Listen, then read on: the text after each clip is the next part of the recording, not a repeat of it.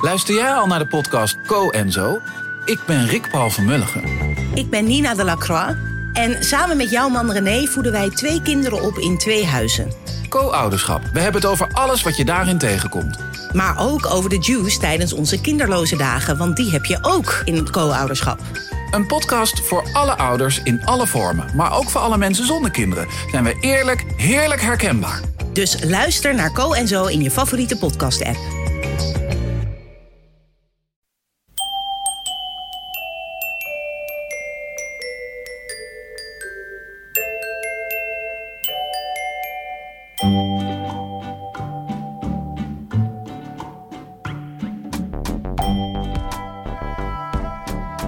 Welkom bij aflevering 186 van de Echt Gebeurd podcast, waarin waargebeurde verhalen worden verteld door de mensen die ze zelf hebben meegemaakt. Deze week een verhaal van Sabine Egberts. Ze vertelde het al een tijdje geleden in 2014 tijdens een verhalenmiddag rond het thema Aan tafel.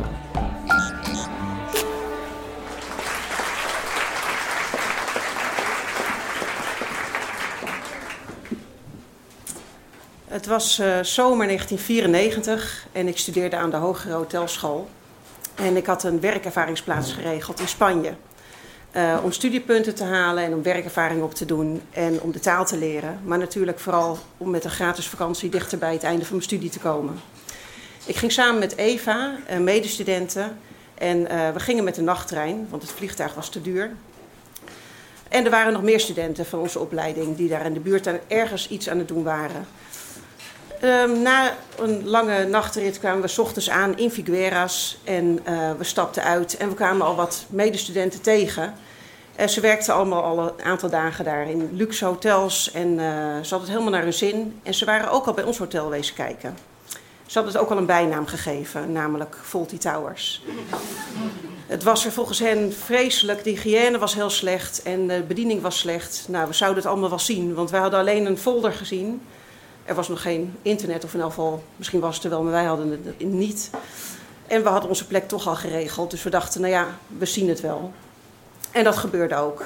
Toen we aankwamen in het hotel, moesten we even wachten op de hotelmanager uh, in de lobby. En ik keek naar het aquarium en ik zag een vis drijven. Hij was dood. Um, en toen de hotelmanager ons ontvangen had en alle formaliteiten waren geregeld, wees ik hem op de vis. Ik sprak nog geen Spaans, dus ik wees naar de vis en ik maakte met mijn hand een snijdende beweging langs mijn keel. En hij knikte en hij bracht ons naar de slaapzaal. Wat tekenend was voor deze vakantie was toen we weggingen, of eh, deze werkvakantie, na 2,5 maand toen we weggingen, dreef de vis er nog. Uh, behalve wij en een aantal andere studenten werkte er ook vast personeel. En het eerste wat uh, ons opviel aan hen was dat ze consequent met hun rug naar de gasten toe gedraaid zaten. Um, waar wij ons wel over verbaasden, want als je hotelschool doet, dan leer je in ieder geval om je gasten aandacht te geven. Uh, maar als er een gast daar stond, stond het personeel zo. Stond er daar toevallig ook een gast, dan stonden ze zo. Nou, wij begrepen er niet zoveel van. Maar we waren er nog maar net, we spraken geen Spaans en we hadden gratis eten en onderdak. Dus was niet het moment om bij de hand te doen. Het hotel bestond uit twee gedeeltes. We hadden beneden een à la carte restaurant. Daar kwamen gasten die uh, langsliepen en niet in het hotel sliepen. Die konden gewoon van de kaart bestellen. Uh, tenminste, als ze naar binnen durfden te komen dan. Want het personeel zat dus consequent met hun rug naar de deur toe en de gasten weg te kijken. En boven was El Corridor. En in El Corridor, uh, daar, daar, aten de mensen die in het hotel sliepen. Het waren meestal groepen Spaanse bejaarden of Oost-Europeanen. En die kwamen daar gewoon met z'n allen eten. Ze hadden de keuze dan met twee menus. Menu 1 en menu 2. En de eerste keer serveren was in El Corridor. Maar voordat ik dat vertel, wil ik eerst iets over de keuken vertellen. In de keuken werkten namelijk drie uh, personeelsleden. De kok, zijn naam weet ik niet meer, maar het was in ieder geval een ontzettende junk. Hij had een hulpje, Juanita, en zij was alcoholiste. En die had ook weer een hulpje, en dat was Thomas. En Thomas was verslaafd aan nou, zo ongeveer alles waar je verslaafd aan kan zijn. En Thomas werd ook één keer in de zoveel tijd uh, op pad gestuurd naar een afkikkliniek, als het weer eens uit de hand was gelopen. Bijvoorbeeld die ene nacht dat hij aan de deur stond bij onze slaapkamer met een touwtje aan zijn tand en aan de andere kant een baksteen. En zowel Eva en mij smeekten om die steen weg te smijten, want hij had zo'n kiespijn. En toen we allebei weigerden, is hij de hele nacht uh, jammerend voor onze deur gaan liggen. Nou, na zo'n dergelijke trip werd hij dus door de hotelmanager met een pak geld op zak op de bus gezet naar een afkeerkliniek. Om vervolgens een paar dagen later weer knetterstoond binnen te komen. Uh, alsof er niks uh, aan de hand was. En dan begon alles weer van vooraf aan. Eén uh, keer in de week op zaterdag kregen ze ook hulp van een zaterdaghulp. El Turisto noemden ze hem. Hij was stevig vastgekleed in een t-shirt en een korte broek en slippers. Vandaar ook de bijnaam. En als uh, Juanita de keuken had schoongemaakt, dan deed ze dat met een emmer koud water en een zwabber. En als ze de hele vloer had gezwabberd, dan ging ze met diezelfde zwabber, het water was al helemaal zwart, nog even de bakplaten over. Dus El Turisto had ook aan het eind van zijn dienst altijd stevast gitzwarte voeten. En als je s'nachts de keuken binnenkwam, uh, want je moest, als je s'nachts binnenkwam, moest je eerst door de keuken om op de slaapzaal te komen. Deed je het licht aan, dan schoten de kakkerlakken alle kanten op.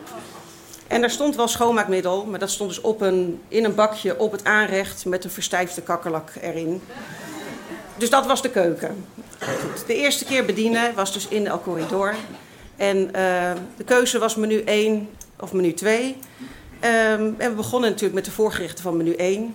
En dat was een bord doperten. Dus alleen maar doperten. Uh, dus wij liepen met de borden doperten naar binnen. En ik vroeg wie had er menu 1. Nou, een aantal mensen staken hun hand op. Dus ik bracht de borden en ter plekke bedachten mensen dat ze waarschijnlijk toch menu 2 hadden besteld. Maar ik had al zo'n vermoeden dat het er waarschijnlijk niet veel beter op zou worden. Dus ik dronk ze toch de doperten op. En wat die avond menu 2 was uh, voorgerecht, ik weet het echt niet meer. Maar uh, ze hadden bijvoorbeeld ook uh, voorgerecht, het was gewoon een blaadje ijsbergsla met een klodder ketchup erop. Dus ik ben ervan overtuigd dat ze de doperten goed af waren. De hoofdgerechten waren ook niet veel beter. Het waren regelmatig kwam het voor dat er gewoon happen uit het vlees waren genomen door het personeel. Nou goed, je zal je misschien afvragen, waarom bleef je daar? En uh, eerlijk gezegd, ja, het was gewoon niet erg genoeg. Uh, we hadden het wel naar ons zin. Uh, we gingen naar strandjes toe en naar Barcelona en andere steden in de buurt. En um, ja, ik wilde de studiepunten natuurlijk ook niet mislopen. Dus ik besloot toch door te zetten en mijn houding ook aan te passen. Want om zo min mogelijk mensen de dupe te laten worden van de slechte hygiëne, ging ook ik met mijn rug naar de gasten toe zitten en ze wegkijken bij de deur. In El Corridor werkte dat prima. Uh, ik negeerde de gasten zoveel mogelijk. Ik werkte gewoon de hele riedel af. Dat waren groepen. Dus zolang je, zolang je de mensen bekeek als een groep en niet als individu, ging dat op zich aardig. Uh, maar in het à la carte restaurant was dat een stuk lastiger. Want ja, het personeel zit met de rug naar de deur.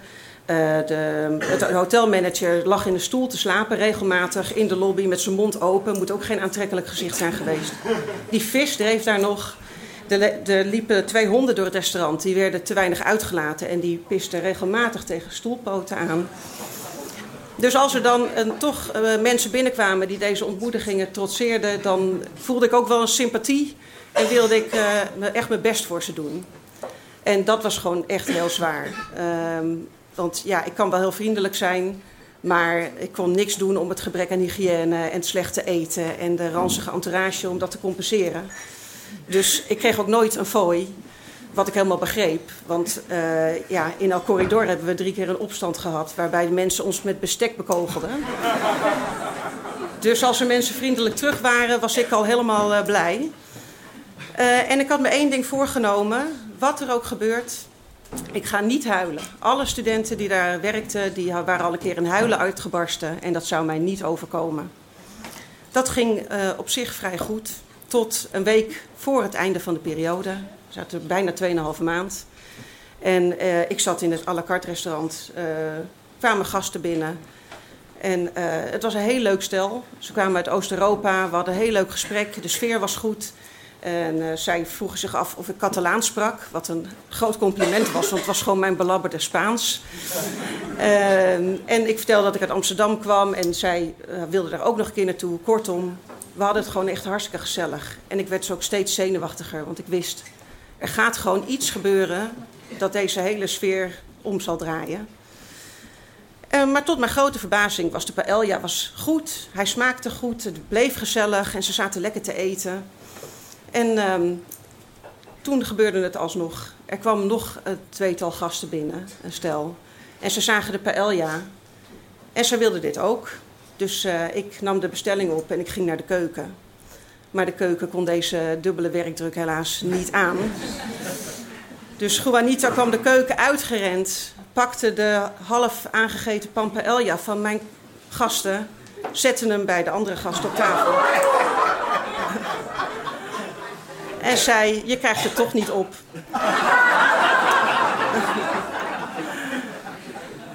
Toen heb ik alles laten vallen. Ik ben uh, achter de bar gaan zitten en ik heb een potje zitten janken, helaas. Uh, maar goed, eh, de gasten zijn boos weggegaan, terecht. Uh, en aan het einde van de, van de periode heb ik me bedacht dat ik er toch iets van heb geleerd. En daar ging het natuurlijk om. Als het personeel met zijn rug naar je toe staat, dan hebben ze daar een reden voor. Maak dat je wegkomt. Dankjewel. Dat was het verhaal van Sabine Egberts. Sabine had het na het behalen van haar hotelschooldiploma wel gezien in de horeca en is tegenwoordig werkzaam als HR-professional en loopbaancoach. Meer informatie over haar kun je vinden op haar website, dat is www.sabine-egberts.nl. De verhalenmiddagen van Echt Gebeurd vinden elke derde zondag van de maand plaats in Toemler, de comedyclub onder het Hilton Hotel in Amsterdam. Heb jij ook een goed waargebeurd verhaal dat je zelf hebt meegemaakt? Neem dan contact met ons op via onze website, dat is www.echtgebeurd.net. En heb je geen verhaal, maar wil je toch iets aan Echt Gebeurd bijdragen? Klik dan op diezelfde website op de donatieknop. Jouw financiële steun maakt het ons mede mogelijk om vertellers te vinden en te begeleiden, om middagen te organiseren en deze podcast in de lucht te houden. De redactie van Echt Gebeurd bestaat uit Rosa van Toledo, Micha Wertheim, Maarten Westerveen en mijzelf, Paulien Cornelissen. Productie wordt gedaan door Eva Zwaving, zaaltechniek Nicolas Vrijman en de podcast wordt gemaakt door Gijsbert van der Wal. Dit was aflevering 186. Dank voor het luisteren. En fijn dat we nu weten waar de shared dining hype vandaan komt. Van een pan paella die de tafels rondgaat.